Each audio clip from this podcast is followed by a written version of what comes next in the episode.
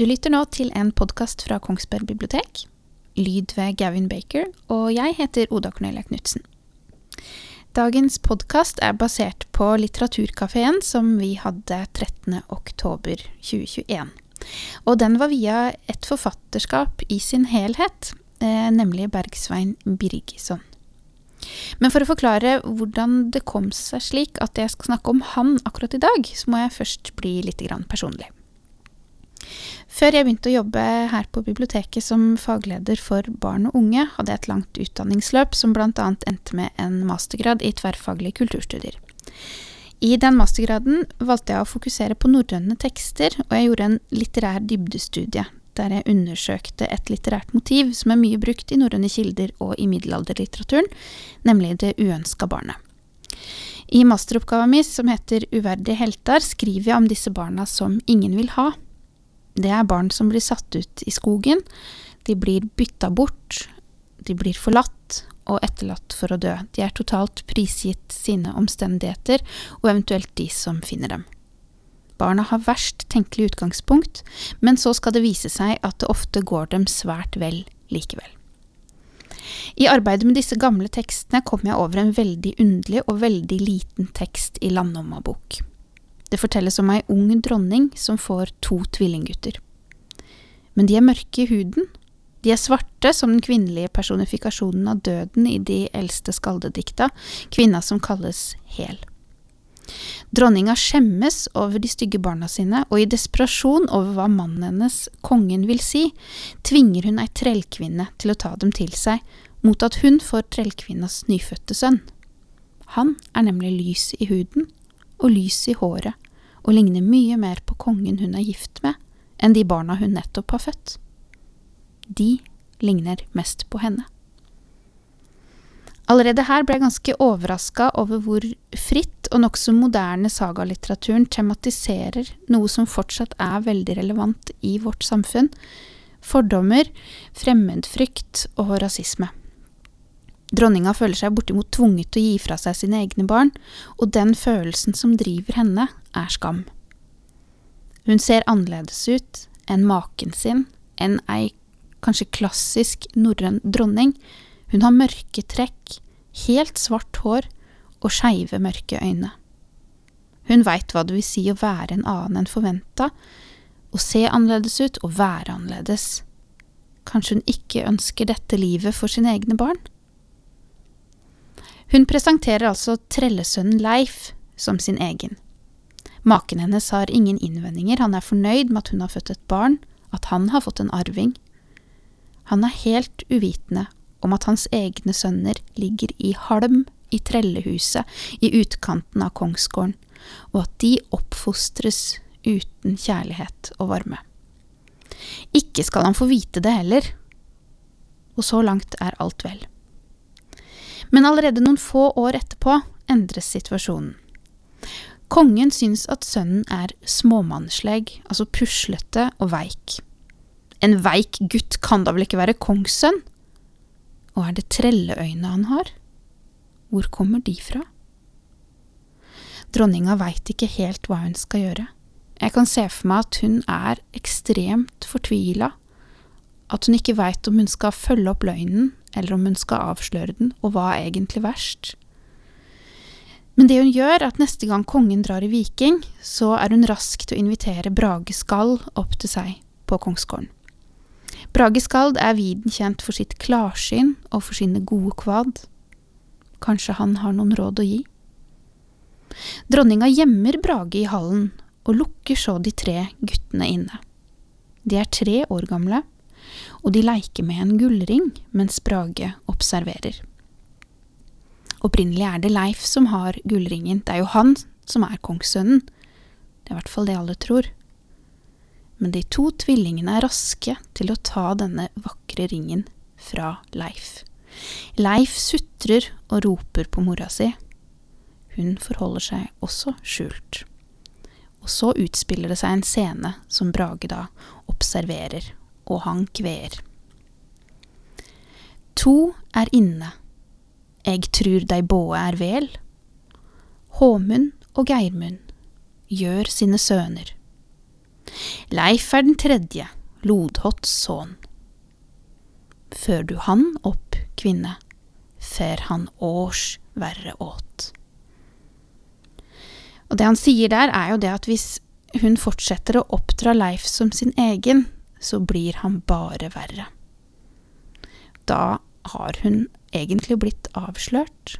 Brage skal, ser og hører og veit at de mørke tvillingguttene er kongens sønner, og at Leif er sønn av trellen Lodhott.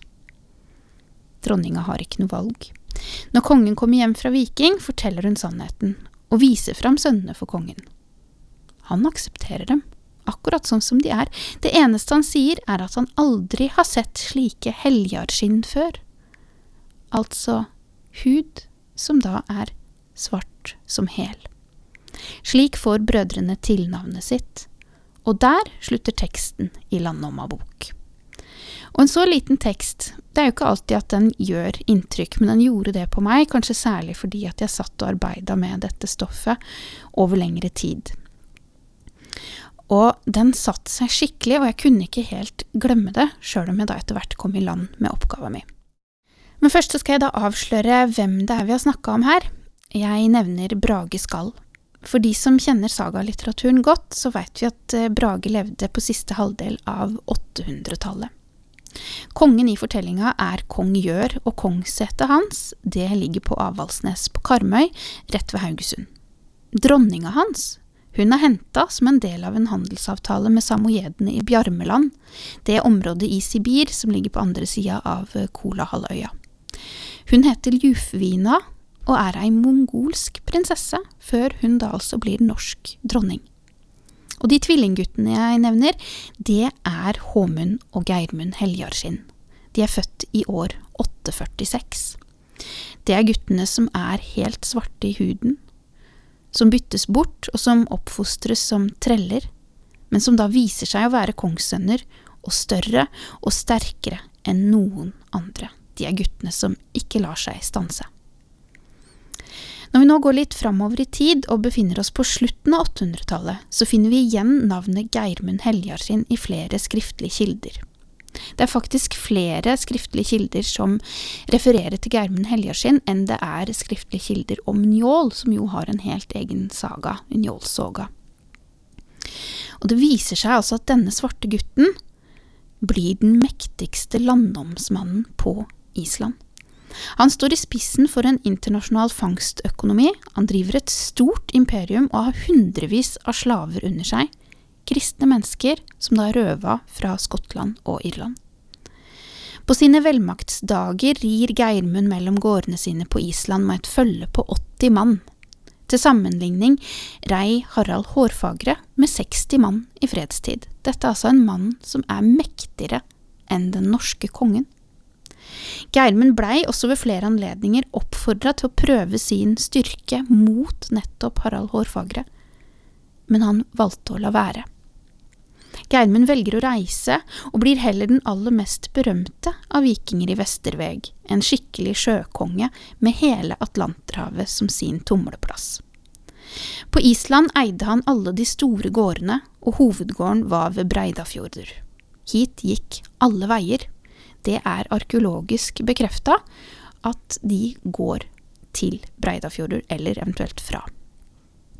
Videre knyttes Geirmund til hele fire ulike land, fødestedet Avaldsnes i Rogaland, moras opphavsland Bjarmeland, der han var flere ganger, Irland, der han etablerer seg og bor over lengre tid, og Island, der han er den største adelsmannen i islandsk historie. Han er den svarte vikingen. Og det er også tittelen på boka til Bergsvein Birgesson. Men hva skjedde egentlig i mellomtida, i de åra fra Geirmund var et uønska barn til han blei en mektig hersker. Jeg er veldig heldig som ikke er den eneste som har latt meg fascinere av disse tekstfragmentene om Geirmund Heljarskinn, for det gjorde da også Bergsvein Birgisson. Han dykka så langt ned i dette prosjektet at han ikke bare kom ut på den andre sida med to ulike bøker om Geirmund, men han fant også ut at Geirmund Heljarskinn er hans egen stamfar, 30 generasjoner og mer enn 1100 år tilbake i tid. Og dette enorme slektsforskningsprosjektet måtte jeg naturligvis lese i forlengelse av oppgava mi. Den svarte vikingen er en sakprosautgivelse fra 2013 som tar for seg nettopp Birgissons reise bakover i tid, der han skildrer hvordan han nøster i skriftlige kilder, sagafragmenter, arkeologiske kilder, i kart og på museer, i dokumenter som er glemt og gjemt, på bestemte steder, langs reiseruta til Geirmund, på fangststedene, og ikke minst forsker han ved hjelp av moderne metoder for å analysere gener. I verket bygger han ut de sparsommelige opplysningene vi får fra middelaldertekstene, de som bare risser opp et helt utrolig liv, men som ikke gir oss visshet. Birgesson gir oss visshet gjennom denne fagboka, som er spennende som en kriminalroman, og utrolig interessant på samme tid. Den er utstyrt med et godt bildemateriale og mange kart, som er med på å virkeliggjøre det som skjedde på 800-tallet. Og ikke minst så avdekker Birgesson hva som ligger bak Geirmund Heljarsins imperium og solide økonomi, nemlig hvalrossfangst. Kombinasjonen av fangstmetoder henta fra samojedene, samojedene og vikingenes teknikker for å utnytte hele dyret, verdien på hvalrosstenner hvalrossolje og ikke minst hvalrossreip laga av huden til hvalrossen, og bruken av disse reipene på alle vikingskip. Det, og i tillegg da hvalrossens naturlige habitat, særlig rundt Island, også opp til Grønland og i Bjørmland, det viser oss at Geirmund Heljarskien må ha vært en drivende dyktig forretningsmann. Han så en anledning, og han tok den. Gjennom lesinga av eh, denne tekstbiten og påfølgende sakprosabok skjedde det jo en del omtrent på samme tid. For det første fikk jeg et veldig interessant tilfelle å analysere i forhold til masteroppgava mi. Jeg ble kjent med en ny forfatter, nemlig Bergsvein Birgisson, og den Brageprisnominerte boka Den svarte vikingen ble veien inn i hans forfatterskap. Og det er virkelig ei svært god bok. Og for de av dere som ikke ønsker en rein faglitterær tilnærming til historia om Geirmund Heljarskinn, og kanskje heller ikke vil gå på skattejakt på egen hånd i de norrøne kildene, så kan dere lese den andre boka som ble resultatet av Bergsvein Birgessons eh, prosjekt, nemlig den skjønnlitterære versjonen om samme mann. Soga om Geirmund Heljarskinn kom på norsk i 2016. Alle vikinger som er noe, har jo en egen saga oppkalt etter seg. Men det hadde ikke Geirmund. Årsakene til det er mange, og det forklarer også Bergsvein Birgesson litt rundt. Men det som var viktigst for han, det var å rette på den feilen. Så i denne boka har Birgesson absorbert deler av sagateknikken. Han gjør redde for slektskapsforhold og bosettinger, og skriver med korte, kvasse setninger i et arkaisk og rikt språk. Underveis forklares fremmedord og begreper, det gjøres rede for kilder, og eventuelle uklarheter forsøkes å rettes opp. Det resulterer da i sagaen om Geirmund Heljarskinn. Men hva er fakta, og hva er fiksjon? Det tror jeg nesten bare Geirmund Heljarskinn sjøl veit. Etter å ha vært gjennom disse to bøkene, hadde jeg virkelig fått øye opp for forfatteren Bergsvein Birgisson. Han er født i Reykjavik på Island i 1971, og debuterte som lyriker i 1992. Han har en solid utdanningsbakgrunn fra universitetene på Island, i Oslo og i Bergen, og er fortsatt bosatt i Norge. Birgisson har en doktorgrad i norrøn filologi fra 2008, og i avhandlinga si så skrev han om norrøn skaldediktning. Han er med andre ord en forfatter som er godt plassert i islandsk tradisjon, historie og litteratur. Den første romanen hans, Soga om været, kom på islandsk i 2003. Og i 2010 kom det som av mange regnes som et skjønnlitterært gjennombrudd, nemlig Svar på brev fra helga. Den kom på norsk i 2012, og for denne boka ble Birgesson nominert til Nordisk råds litteraturpris. For de av dere som ikke har hørt om den boka før, så er det ei veldig lita bok, og den er utrolig vakker. Den handler om en gammel mann eh, som heter Bjarne, eh, og han har da finner vi ut av, for en stund siden mottatt et brev fra ei kvinne ved navn Helga. Men han har ikke hatt mot, vil jeg kanskje si, til å svare på dette brevet. Årene går, eh, og han blir gammel, og han setter seg ned for å svare henne. Og det han skriver om, det er både levd liv og ulevd liv. Teksten handler like mye om de valgene en har tatt, som de sjansene en ikke våga å ta. Og en kan ikke unngå å bli rørt av det som Birgisson da skildrer gjennom denne gamle og ensomme mannen som nå er helt aleine. Jeg vil lese litt fra starten på boka. Det er første kapittel, og det er slik.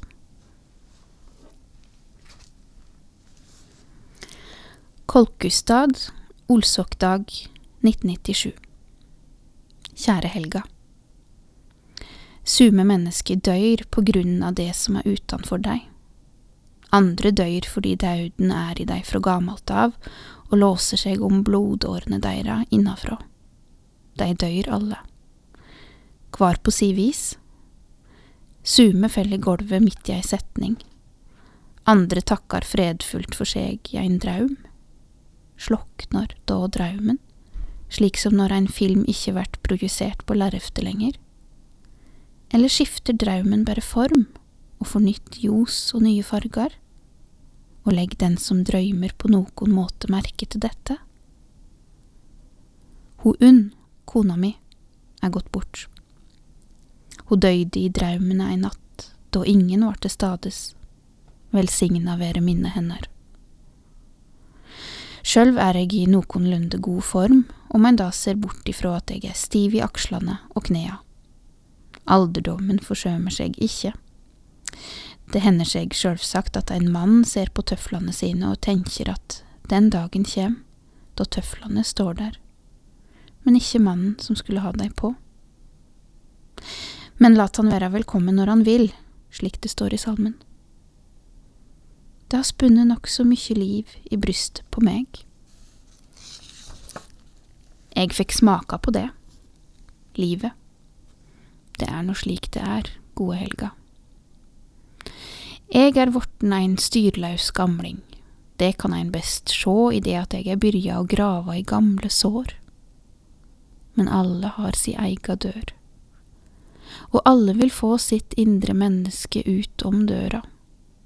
Og døra mi, det er gamle døra på sauefjoset hans avlidne far min, der solskinnet kjem inn om sprungene langt og grant mellom de gisne plankene. Er livet nokon stad, da lyter verra i sprunga.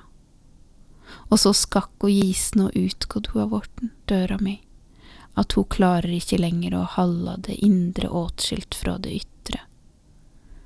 Og kanskje er det just det gode ved snikkaren, at han ikke er fullkommen, at det er sprunger og sprekker i verket hans som slipper solskinnet og livet igjennom.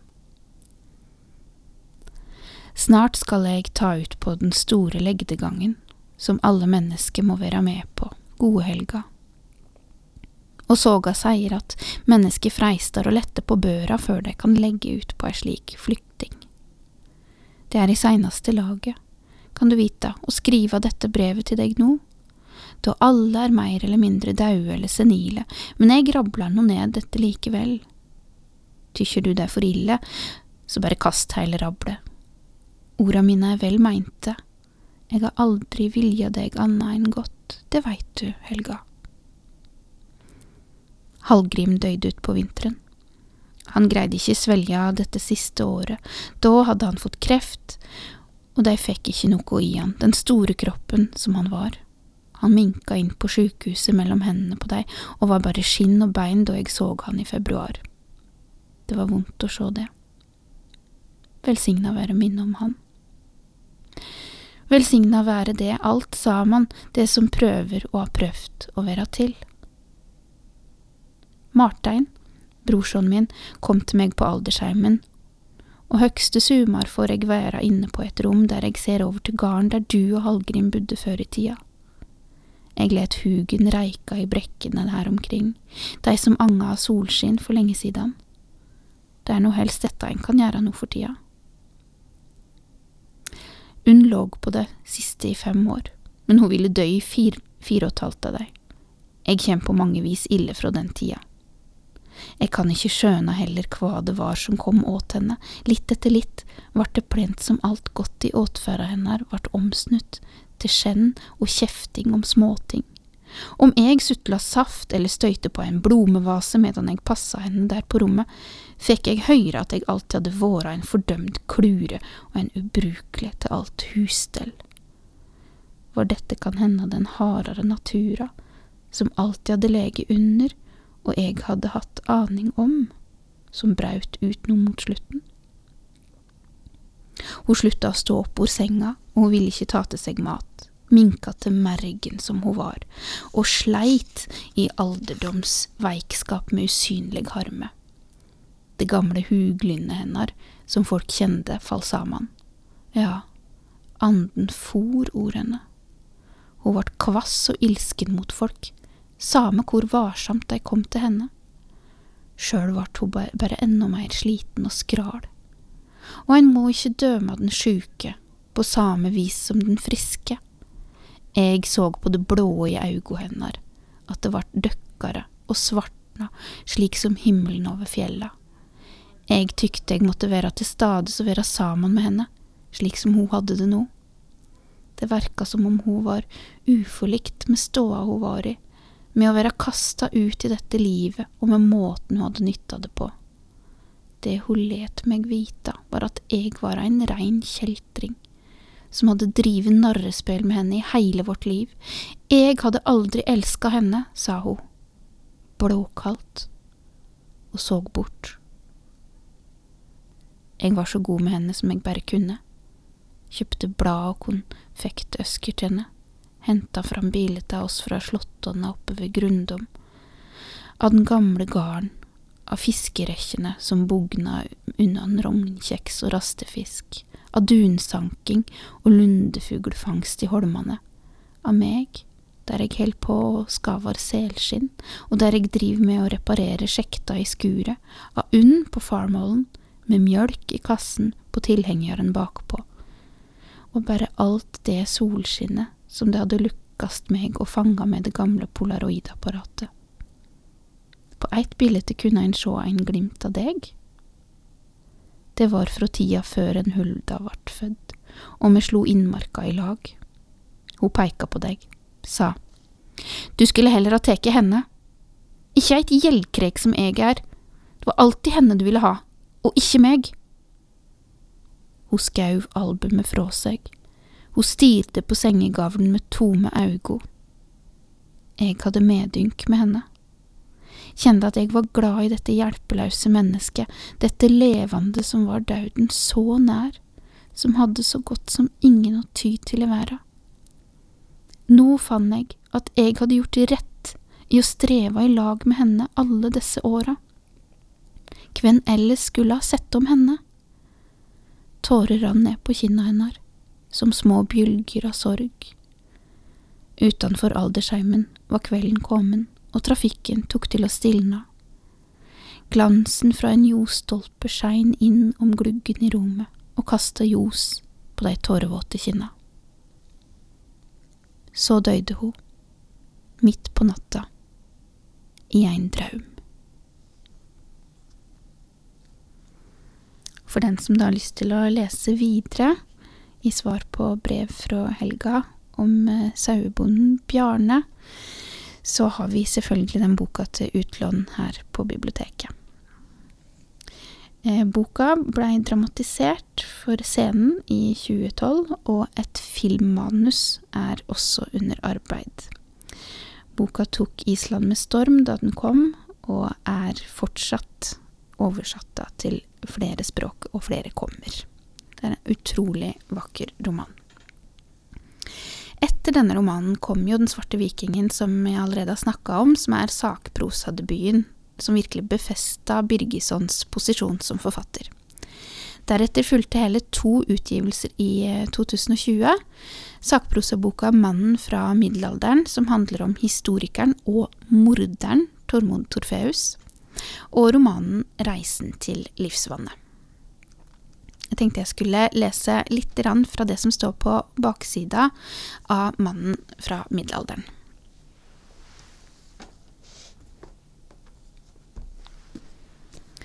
Den unge islendingen Tormod Torfeus får i oppdrag av danskekongen å finne ut mest mulig om Danmark-Norges eldste historie. Han blir ansatt ved hoffet, og snart blir han sendt til Island for å samle inn alt han kommer over av gamle sagahåndskrifter. Dette er opptakten til en utrolig historie om begjær og trolldom, mord og forlis, hekseri og forførelse. Det er et besettende tidsbilde fra 1600-tallet, men det er også historia om hvordan det meste av det vi veit om vikingtida, ble samla inn og overlevde på grunn av tilfeldigheter. Vi blir med når Torfeus, iført sin imponerende parykk, rir gjennom barndommens daler på jakt etter gamle manuskripter. Leseren er tett på da Torfeus forliser ved Skagen og etterpå dreper en reisekamerat med korde. Langsomt går tida mens han venter på om kongen vil frikjenne han fra dødsdommen. Eller ikke. Og vi blir med inn på gården hans på Karmøy, der han sitter og holder minne om den gamle norske storhetstida levende. Med manuskriptene som inneholder så godt som alt vi veit om vikingtida i potetkjelleren, skriver han den første sammenhengende norgeshistorien. Boka er svært gjennomarbeida og har et rikt kildetilfang som ramses opp over 18 sider mot slutten. I tillegg har den 764 sluttnoter og et godt bildemateriale.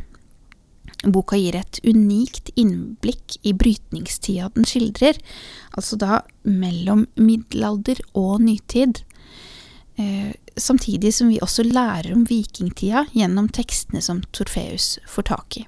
Og det er jo ganske komisk da å se for seg denne staselige mannen som er sendt fra hoffet i København, som kommer ridende med disse flotte klærne og parykken med alle krusedullene som er på den, ut på den islandske bondelandet, der de står og graver i jorda og plukker ut stein. Det er litt av en kontrast, og det må sies at det er utrolig mange morsomme situasjoner som kommer ut av dette her, selv om det selvfølgelig også er et djupt alvor som ligger under. Romanen Reisen til livsvannet kom da også samme år. Nå går vi lengre framover i tid, men vi er fortsatt på Island. Året er 1784. Et heftig vulkanutbrudd har vedvart på Island i et helt år. I København vurderer styresmaktene hva som skal gjøres med innbyggerne. Kanskje de arbeidsdyktige kan overføres til Danmark for å jobbe der? En dansk representant, Magnus Aurelius, er kommet til Island for å vurdere nasjonens tilstand før en slik beslutning blir tatt. Og i opplysningstidas ånd skal han måle opp Island med nytt måleutstyr. Men ekspedisjonen tar en ganske uventa vending når han blir kjent med islendingene og innser at virkeligheten kanskje er mer komplisert enn hans måleutstyr antyder. Særlig i nord, på strander, der det hellige livsvannet renner. Også denne romanen ble nominert til Nordisk råds litteraturpris, og det som er spesielt med boka, er at Birgesson virkelig har tatt til seg 1780-tallets språkutfordringer og språkjåleri. Ved det danske hoffet i København er jo idealene franske, så der snakker en fransk. I tillegg så kan en ikke ikke se bort ifra de tyske impulsene. Eh, grensene på den tida var jo litt annerledes enn i dag, og det er altså da veldig mange som snakker tysk, så det er naturlig at den også kan det språket.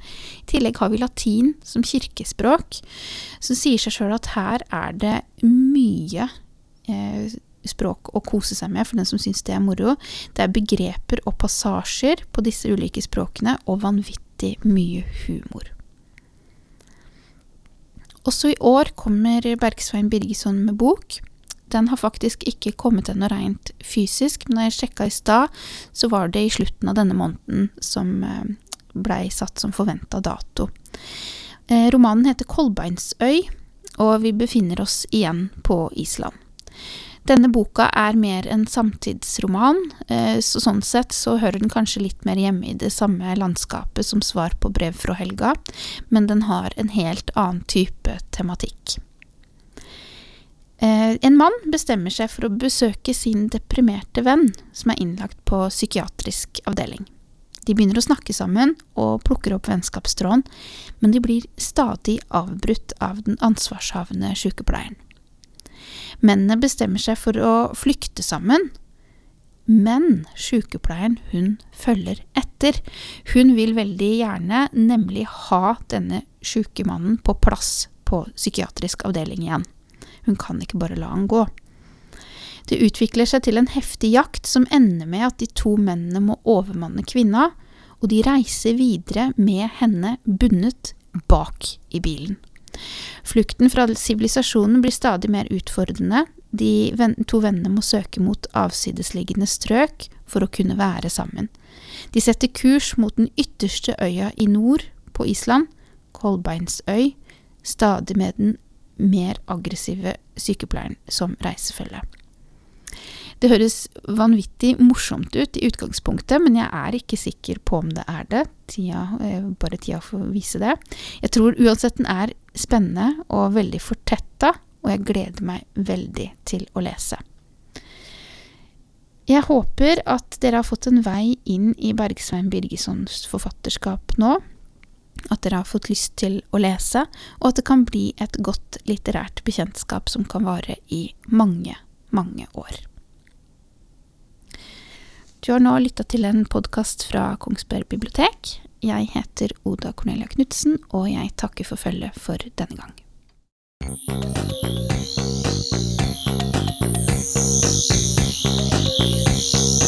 you.